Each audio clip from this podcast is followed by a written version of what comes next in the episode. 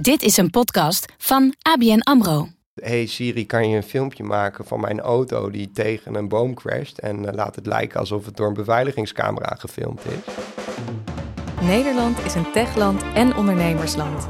In deze podcast interviewen we ondernemers die op een specifieke innovatiegolf zijn gesprongen. Maar waar leidt die golf naartoe? En wat betekenen de onderliggende technologische ontwikkelingen voor mens, maatschappij en planeet? En wat kunnen andere ondernemers doen om op diezelfde innovatiegolf mee te surfen? Dit is de Innovatiegolf. Leuk dat je luistert naar de Innovatiegolf. Mijn naam is Harry Dijkema, host van deze podcast. En naast mij zit Julia Krauwer. Hallo, hallo. Julia, welkom. Fijn dat je er weer bent. De innovatiegolf die we in deze aflevering bespreken is generatieve AI en in het bijzonder het fenomeen deepfakes. Na het luisteren van deze aflevering weet je wat het is, wat de kansen voor ondernemers zijn en welke risico's er schuilen achter generatieve AI. En we vertellen je ook wat de maatschappelijke impact is achter generatieve AI en deepfakes. En uiteraard doen we dat samen met een ondernemer. Hij zit tegenover mij en jij bent op deze innovatiegolf gesprongen. Joris Mollinga, welkom. Hallo. Jij bent uh, de CTO en founder van uh, DuckDuckGoose. Klopt. Heel fijn dat je hier bent. Um, jullie doen fantastische dingen. Vertel even in het kort, neem ons mee in het verhaal van DuckDuckGoose. Ja, bij DuckDuckGoose ontwikkelen wij deepfake detectie producten en diensten. En dan met name voor de digitale identiteitsverificatie-industrie. Ik ben drie jaar geleden begonnen met mijn twee compagnons, Mark en Paria. En wij zijn een spin-off van een multidisciplinair universiteitsproject van de Technische Universiteit in Delft.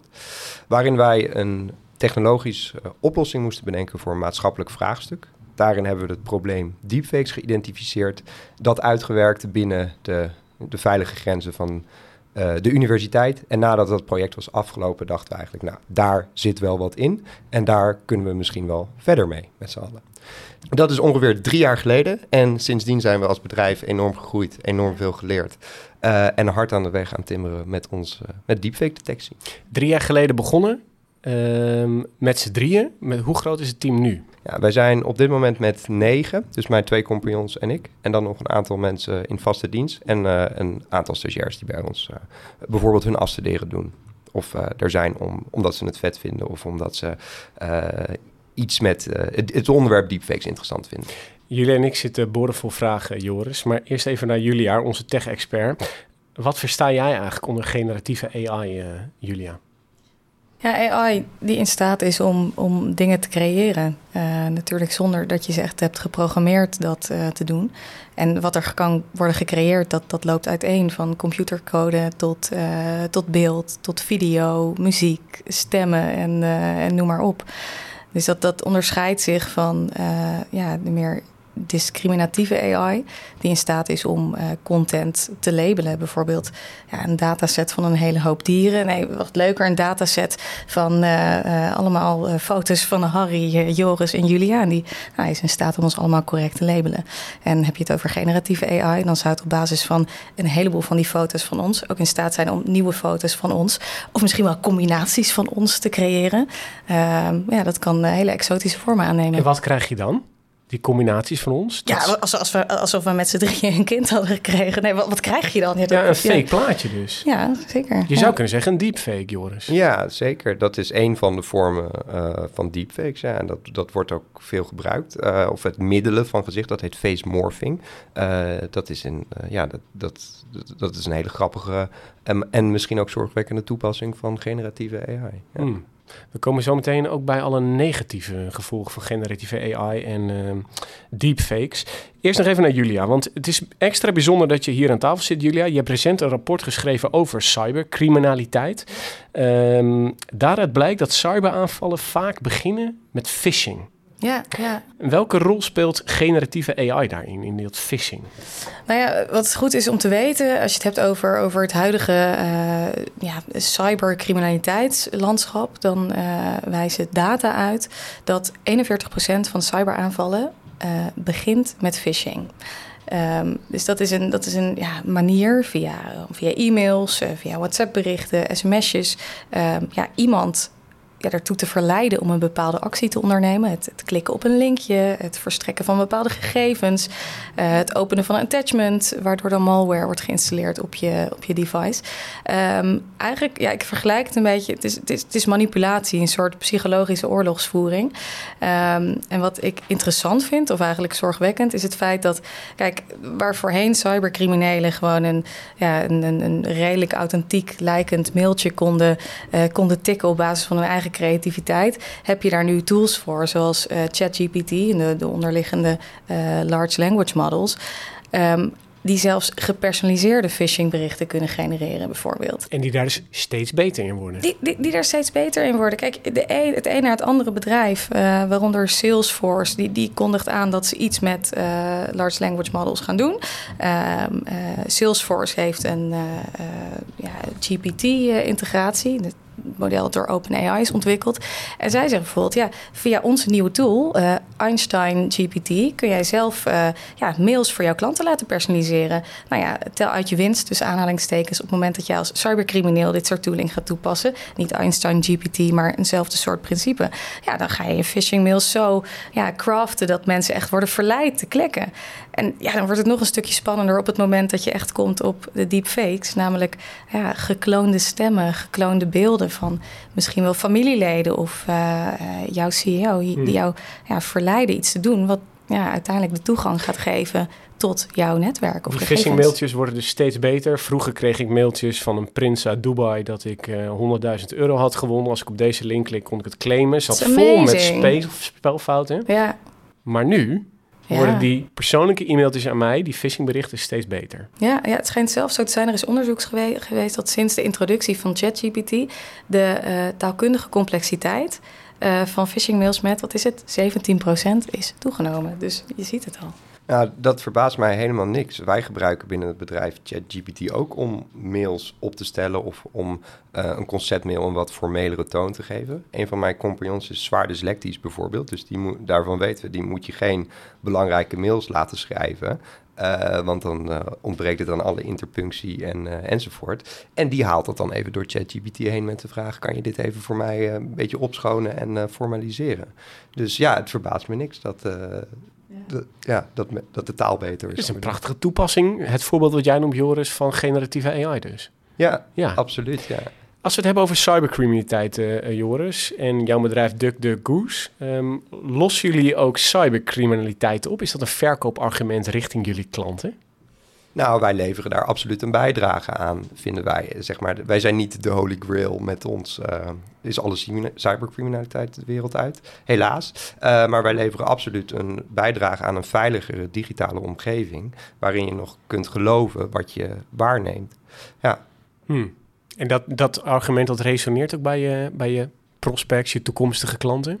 Ja, absoluut. Onze, onze prospects die herkennen heel erg uh, wat... Um, hoe deepfakes, uh, wat voor impact dat op hun bedrijf kan hebben en hoe zij daardoor benadeeld kunnen worden. Um, ja, en dan, uh, da dan is de volgende stap dat ze betalen voor een oplossing als de onze. Mooi. We praten zo met je door. Ik wil je even wat laten horen, Joris. Luister goed.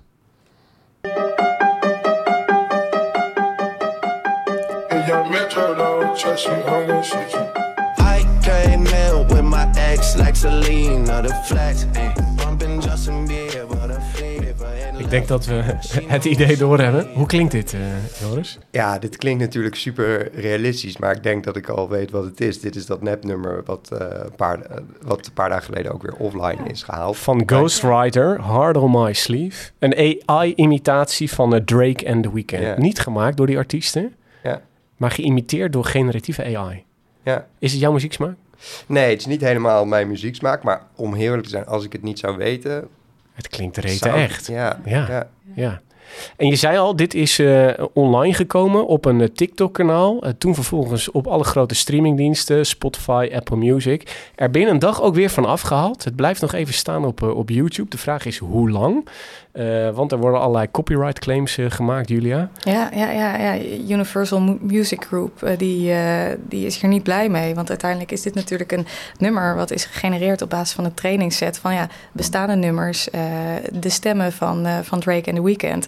Ja, die zeggen van hallo, dit kun je niet zomaar ja, onder je arm meenemen en doen alsof het helemaal van jou is. Dus al die copyright kwesties, die worden wel heel erg uitvergroot nu. Ja, de vraag is van wie is het? Van wie is het? Hoe zou jij daarop antwoorden, Joris? Van wie is dit? Ja, go goede vraag. Uh, weet ik niet zo goed. Ik durf mijn handen er niet aan te branden aan het juridische aspect van deze discussie.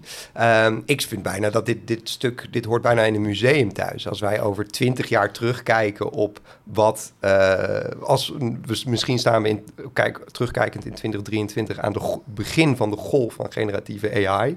Uh, ja, dan hoort dit een stuk bijna in een museum thuis. Van, ja, hier, hier begon het misschien allemaal. Maar ook leuk dat je het zegt, want ook je, hoort, uh, volgens mij was het ook van, van UM UMG een uitspraak van: dit is het moment om te bepalen aan welke kant je wil staan. Alsof er een soort van ja, splitsing is van: ik sta aan de kant van inderdaad de, de hijacking, mensen die, die, die, die ja, intellectual property gebruiken van anderen voor hun eigen gewin. Of wij gaan voor de zuivere school, waarin we ervoor zorgen dat alle artiesten, of dat nou uh, muzici zijn of uh, uh, ja, meer eh, visual artist, dat die ook worden betaald voor het feit dat zij deel uitmaken van een trainingsset. Ja, dus die, die splitsing en het museumstuk. Het, het is dus online gekomen voor het eerst in een TikTok-kanaal. Toen werd het door deze artiest tussen aanhalingstekens op YouTube gezet. YouTube heeft dat ook weer na een dag verwijderd, maar Ghostwriter, zijn profiel, heeft het weer geplaatst. Um, en tot op de dag van vandaag staat het er nog op. Interessant. Maar jij wil je nog niet aan branden van wie dit is, Joris. Nee, daar durf ik geen uitspraak Heel goed, heel goed. Terwijl jij diep in deze wereld zit. Hey, jij vertelde net over eh, het studentenproject. Los een relevant probleem op. Dat werden deepfakes. Uiteindelijk is dat een spin-off, oftewel een bedrijf geworden... met de naam dus Duck Duck Goose. Nog even een korte vraag. Wat versta je eigenlijk onder deepfakes? Nou, deepfakes, dat is uh, visueel materiaal, wat dus beeld en video. Uh, wij trekken er even tekst, wat met, bijvoorbeeld met ChatGPT gegenereerd wordt, dat beschouwen wij niet als, als deepfakes. Maar visueel materiaal wat bewerkt of gegenereerd is met behulp van kunstmatige intelligentie. Het zit hem voor echt in het, het, het stukje kunstmatige intelligentie. En het, dat is dus een ander soort bewerking dan een even tussen haakjes traditionele Photoshop bijvoorbeeld. Ja, en, en, en, en uh, schaar je daar dus ook de filters op Snapchat of de automatische fotobewerkingstools die eigenlijk al in je camera zitten? Zou je dat ook onder deepfake scharen? Of? Ja, dat, dat is een beetje een grijs gebied. Um, alles is een deepfake tegenwoordig en de term wordt een beetje te pas en te onpas door Jan en Alleman gebruikt.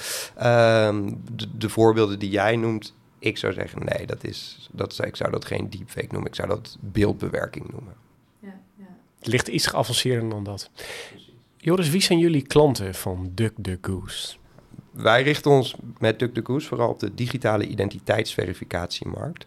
Dus elk uh, proces waarin jij je uh, moet aanmelden met een selfie of een selfie-video, dat gaat van dating apps en deelscooters tot creditcards, bankrekeningen en tewerkstellingen bij uitzendbureaus. Uh, daar moet je vaak legitimeren met, nou, met, met een selfie van jezelf. en dat wordt dan gecontroleerd, gematcht, gekeken of dat matcht met, met je identiteitsbewijs. de partijen die dat soort diensten leveren, digitale identiteitsverificatiepartijen. Dat is onze primaire focus. En daarnaast hebben wij ook nog een aantal klanten in de forensische markt met DuckDuckGoose. Toen wij drie jaar geleden begonnen, toen zijn wij begonnen in de forensische markt. Dus de, dan moet je denken aan het Nederlands Forensisch Instituut, uh, de politie, een uh, aantal uh, landelijke en lokale overheden. Um, daar zijn we vanaf die markt zijn we sindsdien vanaf gestapt. We hebben een market pivot gedaan naar die digitale identiteitsverificatie. Maar de klanten die we toen hadden, hebben we, ja, die hebben we natuurlijk nog. Hmm. En kan je een voorbeeld geven van een project wat je dan doet voor het NFI of voor de politie? Uh, nou, daar helaas kan ik daar geen uitspraak over doen. En, een fictief voorbeeld. Nee, ga je gang. Nou, maar wat je bijvoorbeeld wel leest in de media... is dat deepfakes gebruikt worden om bewijslast te falsificeren in rechtszaken. Bijvoorbeeld in echtscheidingszaken... Waar, waarin de andere partij zwart wordt gemaakt... door in een deepfake afbeelding of in een deepfake video.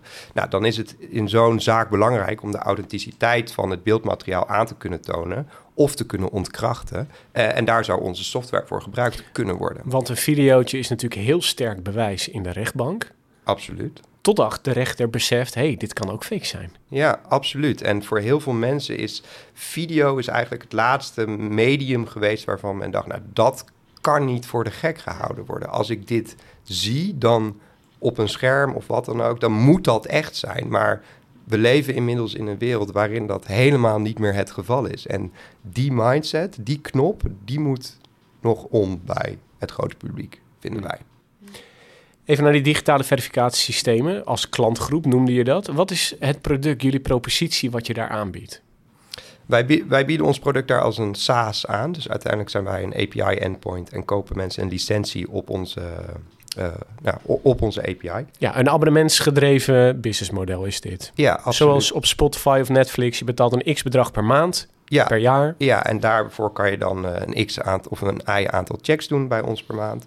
Um, en dan sturen onze klanten een afbeelding of een, uh, een korte video naar ons toe. En dat gaat dan altijd om een afbeelding of een video met een persoon erin. Wij richten ons specifiek op mensen. Ook al kan je deepfakes maken van, uh, nou ja, met, van, van allerlei uh, voorwerpen. Uh, maar wij richten ons specifiek op mensen. En die sturen ze dan naar ons toe. En dan krijgen ze een paar tellen later het resultaat terug. Of wij denken dat het een deepfake betreft. Of dat het authentiek is of niet. Oké, okay, dus ik stuur een foto of een videootje naar jullie toe. En jullie beantwoorden dat met een het is echt of het is nep. Ja. Is het altijd zo binair of... Nou, Nee, dat kan ook anders. Uh, soms verpakken we het ook in een stoplichtmodel, de rood, oranje, groen. Dus uh, wat voor actie verwachten wij nu dat de klant neemt? Uh, accept, inspect, reject bijvoorbeeld. uiteindelijk positioneren wij ons, proberen wij ons niet als de scheidsrechter te positioneren. Wij zijn slechts een handvat en dan is het aan de klant, onze klanten zelf, om te bepalen wat ze er mee gaan doen en hoe ze dat op gaan volgen. Jij bent dus in staat om te kijken of het echt een mens is. Maar jij bent ook in staat om daar misschien al een beetje uh, mee te spelen als een soort van acquisitiemiddel. Die systemen die kan je inderdaad voor de gek houden door ze een deepfake voor te schotelen. En dat doen we ook bij DuckDuckGoose. Dat, dat noem je penetratietesten of pentesting.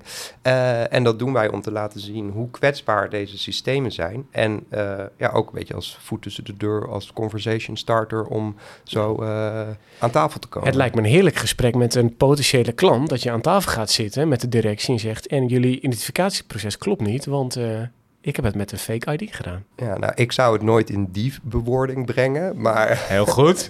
We zitten hier met een hele diplomatieke gast. Ja, jij verkoopt meer. Klopt, nou, er wordt wisselend op gereageerd. Sommige mensen die, uh, ja, die zijn onder de indruk, die willen heel veel meer weten en gaan dan echt heel technische diepte in van ja, hoe heb je dat dan precies gedaan. Er, er wordt ook soms boos gereageerd of onbegrip, uh, ontkenning of uh, ja maar. Dat vroeg me af inderdaad. Gaan mensen ook in, in, in denial? Is het, is het te schokkend dat dit, dat dit gewoon kan? Uh, dat hebben we wel eens meegemaakt. Ja, of er worden excuses voor gezocht van waarom dat dan gelukt zou kunnen zijn. Ja, dat... maar, maar hoe werkt het dan? Je, je pakt een paspoort en wat fake je dan?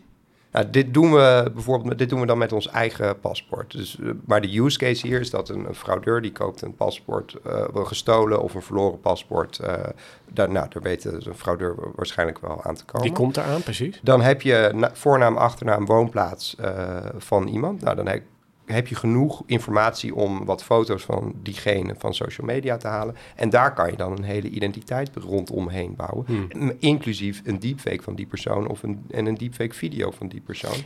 En wat is het dan dat jij uh, deepfaked? Is dat dan als ik naar mijn selfie-camera op mijn telefoon kijk, mijn hoofd moet draaien? Zo gaat dat dan? Ja. Uh, dat kan jij faken? Ja, dat, dat fake wij. Uh, en dan moet je inderdaad draaien, op en neer, uh, wat paar keer knipperen, misschien nog vijf uh, getallen achter elkaar zeggen. en dat kan allemaal in real time, kan dat gediepfaked worden. Indrukwekkend. Heb je alleen Nederlandse klanten of ben je ook al over de grenzen? op dit moment hebben wij één klant in het Verenigd Koninkrijk, maar zitten we voornamelijk nog in Nederland. Maar wij richten onszelf echt op, uh, ook op de buitenlandse partijen en op de Amerikaanse markt bijvoorbeeld. Hmm. Um, ja, wij zijn een so uiteindelijk een softwarebedrijf en we leveren een SaaS. Dus het is super schaalbaar en makkelijk om dat ook in andere werelddelen uh, te verkopen. En we zien in sommige we andere werelddelen ook wat meer uh, bewustwording voor dit probleem dan in Europa. Bijvoorbeeld in de Zuid-Amerikaanse landen zien we echt dat dit deze vorm van fraude vaker voorkomt. Uh, en is dus ook een hele interessante markt voor ons. En zijn ze in het buitenland wellicht wat meer bewust van de risico's? Ja, ook dat, Ja. denk ik. Ja. Ja. ja. Ja, want dat, dat, dat is best een interessante. Wij hebben recentelijk dus eh, onderzoek gedaan. Eh doen we al, eh, al drie, jaar op ja, eh, drie jaar op rij. En wij doen onderzoek naar eh, de risicoperceptie van ondernemers... versus de daadwerkelijke dreiging op het gebied van eh, cybercriminaliteit. Nou, dit jaar weer ge- gedaan. En ik vind de resultaten best schokkend. Er blijkt namelijk een, een gigantische discrepantie te bestaan. Met name dus eigenlijk enkel onder eh, MKB'ers en ook ZZP'ers. ehm, tussen de dreiging die zij zelf zien en eh, ja, hoezeer zij te maken hebben gehad met cybercriminaliteit. Want ik pak de cijfers er even bij. Ehm, vorig jaar sowieso was 45% van de ondernemers, dus, dus door alle klantgroepen heen, die had te maken gehad met een cyberaanval. En dat bedoelen we echt in bredere zin, kan ook een phishing mail zijn geweest. Ehm, dit jaar is het meer dan driekwart van de bedrijven. Maar ga je inzoomen, dan is er iets heel interessants gebeurd. 75% van het grootbedrijf is inmiddels doelwit geweest van een eh, cyberaanval. Maar voor MKB'ers is dat inmiddels 80%. Dus voor het eerst worden die meer getarget dan, eh, dan de grotere bedrijven. Terwijl de risicoperceptie voor de grote bedrijven zijn die echt soort van ja, through the roof gegaan. Enorm stijgende lijn. En bij de MKB'ers en ook bij de ZZP'ers is het ongeveer gelijk gebleven. Dus nou, die discrepantie wordt groter en nog steeds heerst er het beeld van... ja, het zal mij niet overkomen of ik ben toch geen interessant target. Terwijl juist in, in deze huidige setting, waarin cybercriminelen steeds meer professionaliseren, maar ook steeds meer innovatieve tools in hun, hun toolbox stoppen. Ja, dat is natuurlijk een giftige combinatie. Dus ik, wat jij zegt over, ja, ik weet niet of het besef overal echt doordringt. Wij herkennen dat ook uit het onderzoek. Ja, en ik herken dit ook heel erg in gesprekken die wij voeren met potentiële klanten. Is de respons ook die wij soms terugkrijgen. Er is op dit moment geen wetgeving omtrent deepfakes. Dus wij gaan even de kat uit de boom kijken en kom over een tijdje maar weer terug. Ja, nou ja, dat, neemt, dat maakt de dreiging niet minder. Dat is een beetje struisvogelpolitiek en dan op een gegeven moment is het te laat. Maar waarom zou je op, op wetgeving gaan acteren terwijl het gaat om kwaadwillenden die geen boodschap hebben aan wetgeving? Daarvoor zijn het kwaadwillenden die, die opereren buiten de wetten om. Ja, dat is Ik voor mij snap ook, het niet. ook een raadsel voor mij. Heel reactief. Maar het is ook een ondernemerskans, Joris. Absoluut, ja. Dus daar zijn wij, dat zagen wij drie jaar geleden al. En eh, nou, daar, daar zijn wij ingesprongen. Dus eerst in de forensische markt en nu in de digitale identiteitsverificatie. En dat zien we. eh, Mensen, er is nog steeds een of eh, enige hoeveel. ehm, mensen zijn nog steeds een beetje reactief. Maar vergeleken met een jaar geleden of zelfs anderhalf jaar geleden, is, is er al zoveel meer bewustwording bij mensen over wat voor problemen deepfakes hun bedrijf kunnen geven. Dat is echt een wereld van verschil. En wat, wat zijn de grootste bedreigingen voor, voor bedrijf? Want je hebt inderdaad, jullie zijn veel actief in de identiteitsverificatiemarkt. Zijn er ook nog andere risico's voor bedrijven waarvan je denkt van hé, hey, daar moeten bedrijven echt, echt naar kijken als het gaat om deepfakes? Deepfake is zo breed beschikbaar eh, en kan zo breed toegepast worden op al het, alles wat, al het beeldmateriaal wat beweegt eigenlijk. Dat, nou, dat is tegenwoordig eh, de helft van je leven ongeveer. Ehm, ja, dat, dat eh, de risico's van deepfake-technologie niet alleen beperkt blijven tot wa- waar wij ons op richten. Hm. En dan heb je het natuurlijk over de, de, de, de toepassingen als, als desinformatie en, eh, en, en nepnieuwsverspreiding. wat, ook al, wat we ook voorbij zien komen, wat ook eh, eh, ja, verschillende statelijke actoren en, eh, en groepen actief doen. Even, even over die deepfakes. Ehm, die ontkrachten jullie. Neem ons kort mee, Joris. Wat gebeurt er aan de achterkant? Jullie krijgen via je API een filmpje of een afbeelding doorgestuurd. Wat gebeurt er? Ja, klopt. Nou, wij gebruiken ook kunstmatige intelligentie voor het detecteren van deepfakes. Net zoals dat kunstmatige intelli- intelligentie gebruikt wordt voor het maken van deepfakes. Dus het is een beetje een AI eh, versus AI battle, Battle. zou je kunnen zeggen. Ja. Ja, dus wij hebben daar AI-systemen voor ontwikkeld die in staat zijn om het eh, verschil te kunnen zien tussen deepfake materiaal en authentiek materiaal. Daar hebben, die hebben we zelf getraind. Daar hebben we zelf data voor verzameld en gecreëerd ook ehm, om, ja, om, die te ontwikkelen. En dat bleek goed te werken. Die systemen zijn goed in staat om het verschil tussen echt en nep te zien. En daarnaast proberen wij ook nog uit te leggen wat de verdachte regio's in de, de afbeelding of de video zijn die wij binnenkrijgen. Dus wij highlighten, echt een, een heatmap over de input, uh, krijg je er ook nog bij van wat de verdachte regio's zijn. Dus welke pixels uh, eventueel eruit springen en waar een gebruiker nog wat beter naar zou kunnen. Dus, dus kan, er een, kan er een oorlelletje uitspringen waar een oorbel niet ja, goed zit? Precies, ja, dat zit vaak rond de oren, de neusvleugels. Uh, de neusvleugels, Ja, dat is ook zo'n detail wat, uh, moeilijk is. wat moeilijk dan is om, om, te maken. Ja. maar Joris, dit lijkt me toch een kwestie van tijd totdat kunstmatige intelligentie die oorlel, die neusvleugel goed kan maken. Ja, daar heb je ook helemaal gelijk in. Of dat klopt ook. Dus het is ook voor ons zaak om bij te blijven. En daar zijn die mensen in ons team ook voor om uh, te zorgen dat wij bovenop de ontwikkelingen zitten van uh, die, waardoor deepfakes steeds beter worden. En wij vergelijken onszelf met eigenlijk met antivirus software. Dat moet je ook telkens. Of elke twee weken moet je, moet je het even patchen. Moet je Vroeger je Mac af altijd updaten. Ja. Precies. En zo, wij updaten onszelf ook telkens achter de schermen. Daar merkt de eindgebruiker merkt daar niks van. Maar voor ons is het ook zaak om bij te blijven. Ja. Wij houden ook de, wetenschappelijke ontwikkelingen bij op het gebied van hoe deepfakes beter worden. Ehm, veel, niet alle hoor, maar een aantal van de ontwikkelingen op het gebied van uh, steeds beter wordende generatieve AI komt uiteindelijk van de academische instellingen. Uh, dus het is ook gewoon veel onderzoek lezen.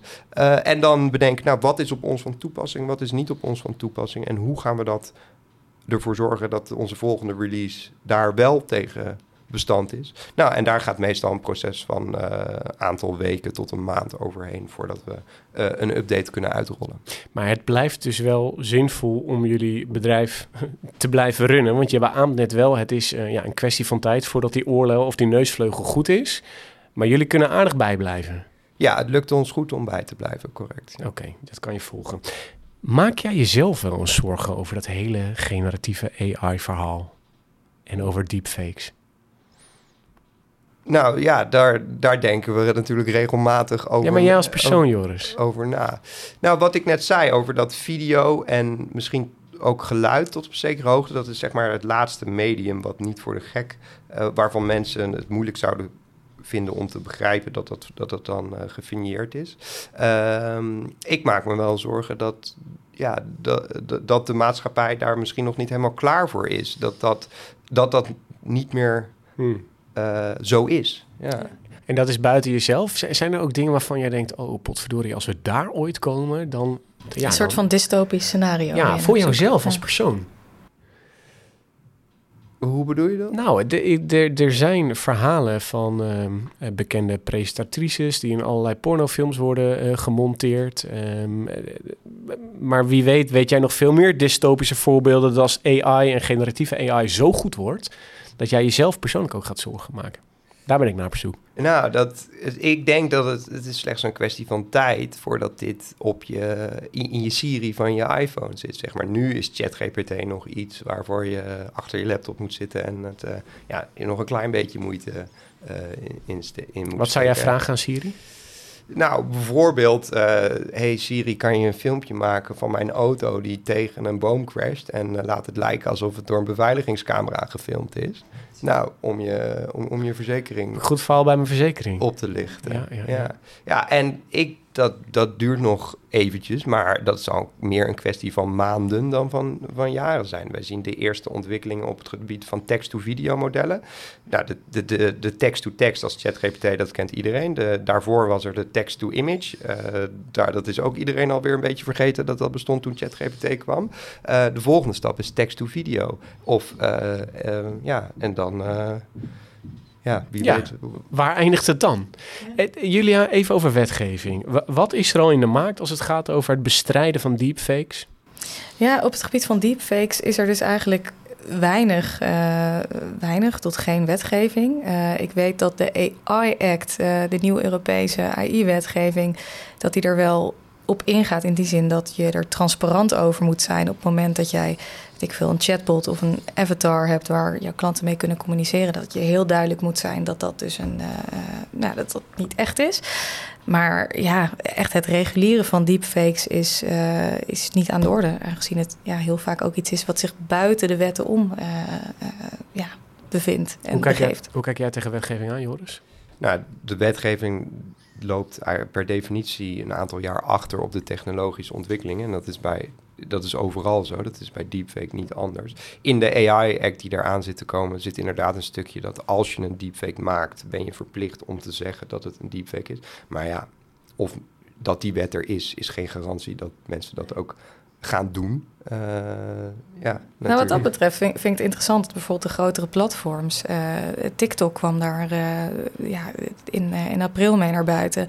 Dat zij um, ja, het als een, als een user guideline, het is geen guideline, het is echt gewoon een regel gaan opleggen. Dat op het moment dat jij content post die uh, niet echt is, gebaseerd op deepfakes, of anderszins gemanipuleerd, dat je dat een stickertje of een labeltje moet geven, dat het niet echt is. Het zou eigenlijk ideaal zijn dat de, de, de kunstmatige intelligentie zelf al een soort keurmerk meegeeft, hè, wat je dan kan herkennen.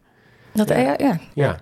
Ja, ik ben heel benieuwd hoe ze dat technologisch geïmplementeerd hebben bij TikTok. Ik ken nog wel een start-up die uh, ja. daar een businessmodel van hier spreekt ook een hier, spreekt, hier spreekt ook een ambitieuze uh, ondernemer. Um, Julia, straks nog, uh, nog even wat meer over de waardevolle toepassingen van generatieve AI. Jij schrijft in je rapport ook over wat negatieve toepassingen. Waar moet ik dan aan denken? Ja, ja, ja. ja. Um, nou ja samen met, uh, uh, met, met co-auteur uh, hebben we dus gekeken naar ook... Ja, wat, wat doet ja, generative AI in de hoek van uh, cybercriminaliteit. Nou, net hebben we al, al gehad over ja, identiteitsverificatie. Het feit dat je ja, um, toch met deepfakes um, je ergens kunt aanmelden, een bankaccount zou kunnen openen, et cetera. Dat is er één. Uh, een andere is natuurlijk phishing, waar we het net over hadden. Um, maar generatieve AI wordt ook gebruikt om uh, wachtwoorden binnen de kortste keren te kraken. Dat is heel tricky, want ja, wachtwoorden zijn ja, vaak makkelijk te raden, omdat ze niet heel erg creatief zijn. Maar zelfs de iets moeilijkere wachtwoorden, nou, die kunnen binnen een paar seconden gewoon uh, uh, worden geraden. Dus dat is er één. Um, uh, en ja, welke ik ook wel een beetje spannend vind, is het stuk malware.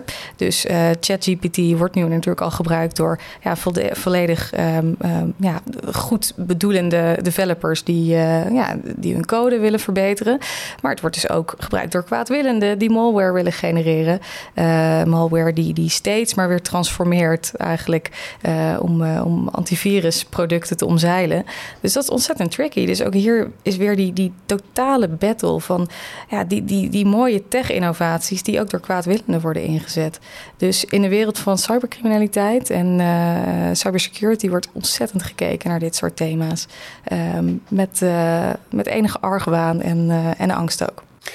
En er gebeurt sowieso ontzettend veel in die wereld van kunstmatige intelligentie. Het bedrijf achter uh, ChatGPT, OpenAI, ontving van Microsoft recent 10 miljard dollar aan investeringen. En in een podcast die over tech gaat, moet je het altijd ook even hebben over Elon Musk. Um, hij noemde in het verleden kunstmatige intelligentie, AI, een grotere bedreiging voor de mensheid dan een kernoorlog. Ik zie Joris lachen. Um, toch start hij afgelopen maand toch ook weer een bedrijf in AI genaamd X.ai. Elon Musk heeft een soort obsessie met X. Een van zijn Tesla's heet X. Uh, de roepnaam van zijn zoon is X. Uh, hij wil een soort, volgens mij een soort alles in één app. SpaceX. SpaceX. Hij wil zijn alles in één app. Hij is wel consequent. Ja, hij werkt aan alles in één app, uh, WeChat, zoals WeChat. En die wil hij dan de X-app uh, noemen. Uh, maar afgelopen week tekenden bijna duizend wetenschappers en topbestuurders uit het bedrijfsleven een brief die oproept tot een onmiddellijke pauze van zes maanden in de ontwikkeling van AI-technologie. En de reden daarvoor was, er moet eerst wetgeving komen. Wetgeving hebben we al behandeld hier. Uh, maar die brief zegt, en dat is wel interessant om te melden... AI-systemen met menselijke intelligentie kunnen grote risico's vormen... voor de samenleving en de mensheid. Te midden van al deze ja, trends en hypes, Joris... ben jij je bedrijf eh, drie jaar geleden gestart... Levert deze recente hype van de afgelopen maanden, ChatGPT, iedere scholier op een middelbare school schrijft zijn werkstuk zo, levert dat jou extra klanten en extra aandacht op? Zeker, levert ons absoluut extra aandacht op. ChatGPT was echt een van de nou, in mijn ogen ehm, een toepassing die voor heel veel mensen makkelijk bereikbaar was. Dus, dus dat heeft echt heel veel mensen aan het denken gezet over wat generatieve AI voor hun kan betekenen en wat dat voor hun bedrijf kan betekenen. En dat is ook uh, absoluut teruggekomen bij ons. Dus wij hebben daar veel vragen over gehad. Of we dat ook uh, kunnen herkennen, bijvoorbeeld vanuit onderwijsinstellingen krijgen wij nog steeds regelmatig vragen van. Ik ben bang dat mijn studenten de, hun werkstukken niet meer, dat dat niet meer origineel is. Kunnen jullie dat voor mij uh, controleren? Ja, dus zowel over de, de directe generatieve AI-ontwikkelingen als wat breder. Uh, dat mensen zich, dat het meer bewustwording uh, creëert, uh, is dat bij ons teruggekomen. Ja. Hmm. ja, er zijn mensen ontzettend op zoek naar handvatten, dat is duidelijk. En er zijn inderdaad partijen zoals jullie die hierin actief zijn, dan worden mensen, ja, zijn ze toch op zoek naar een soort van veiligheid en zekerheid. Vertel het me, vertel me wat, wat waar is. Hoe moet ik dit doen? We gaan naar iets meer waardevollere toepassingen van uh, generatieve AI en misschien ook waardevolle toepassingen van deepfakes. Vraag aan Joris. Er zijn van allerlei bedrijven die um, nou ja, met AI gegenereerde video's en afbeeldingen maken. We hebben het bedrijf Runway, die maakt Stable Diffusion, maar in hun tweede generatie bestaat al uh, de mogelijkheid om tekst-to-video te maken. Dan krijg je een klein filmpje van drie seconden. Heb je het geprobeerd? Nee, ik heb het nog niet geprobeerd, maar ik weet dat het bestaat. Ja. Okay. Dat text-to-video staat nu nog echt in de kinderschoenen. Maar uh, tegen de tijd dat deze podcast wordt uitgezonden, zijn we weer een iteratie verder. En over zes maanden is het uh, net zo goed als uh, de, de text-to-image nu is, denk ik. Dan is het gewoon mogelijk text-to-video. We hebben Do Dolly van de OpenAI, waar ik het net over had. Wat, wat raad jij mensen aan die luisteren en hier eens mee willen experimenteren? Het staat gewoon op het internet. Iedereen kan het benaderen vanaf zijn laptopje. Als ik nou eens even wil pielen met generatieve AI, kijken wat doet mijn tekst, een prompt naar een afbeelding of een video, waar kan ik het beste beginnen? Ja, nou, dan kan je even googlen op uh, text-to-image demo bijvoorbeeld. Uh, en dan kom je vanzelf wel wat tegen oh, waar, waar, ja, waar je iets invoert en dan komt er een paar seconden later komt een, komt er een resultaat uit. En uh, ook voor de, ja, de, de, de, content creators onder ons, uh, Adobe is ook deze, vorige week of de week daarvoor met een feature binnen hun product te gekomen dat je ja, met tekst kan zeggen hoe je het materiaal wilt bewerken. Dus eigenlijk de, de text-to-image bewerking in Photoshop. Ja, ik weet even niet of het in Photoshop zit. Mensen zeggen wel eens, dit is het iPhone-moment. Toen we die iPhone voor het eerst met Steve Jobs zagen... was iedereen echt flabbergasted. Zie jij dit ook zo? Nou, misschien is dit nog wel groter dan het iPhone-moment. Ik was kan me het iPhone-moment niet actief herinneren. Ik uh, ja, was te jong. Te jong, inderdaad, volgens mij. Ja, de iPhone is van 2006. Ja, ja. ja. Um, maar misschien is dit nog wel veel groter dan het iPhone-moment.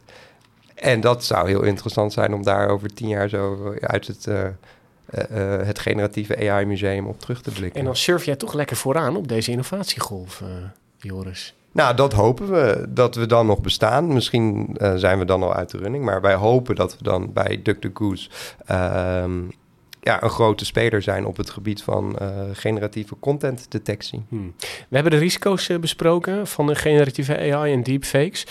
Ik wil toch iets meer naar ook een, een soort positief gebruik van, van deepfakes en generatieve AI. En online wordt er ook wel eens gesproken over grief tech, Julia. Ja, grief tech. Ja, dat, je zegt het, het is iets positiefs, maar het, daar verschillende meningen een beetje over. Want het kan ook een soort van dystopische dark mirror-achtige vormen aannemen. Maar ik ben gefascineerd door het, het feit dat, dat mensen, steeds meer partijen actief zijn in de hoek van ja, het maken van chatbots of zelfs volledige avatars van, uh, van echte mensen die zijn overleden.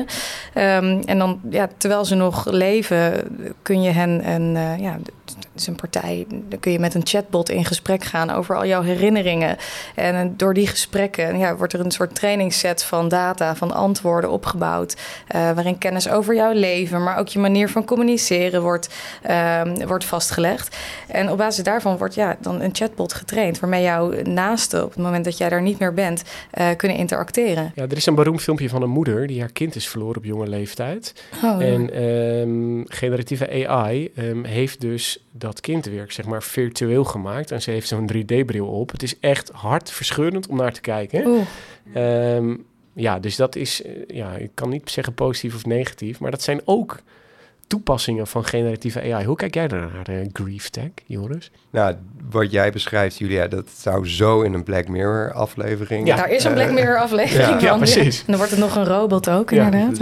Dit heeft inderdaad ook wel weer een beetje een luguber randje, maar ik, ja, ik vind dat technologie is niet per definitie goed of slecht. En dat is met deepfake technologie ook zo. Al ligt het misbruik met deepfake technologie ongelooflijk voor de hand. Veel meer dan met andere technologieën.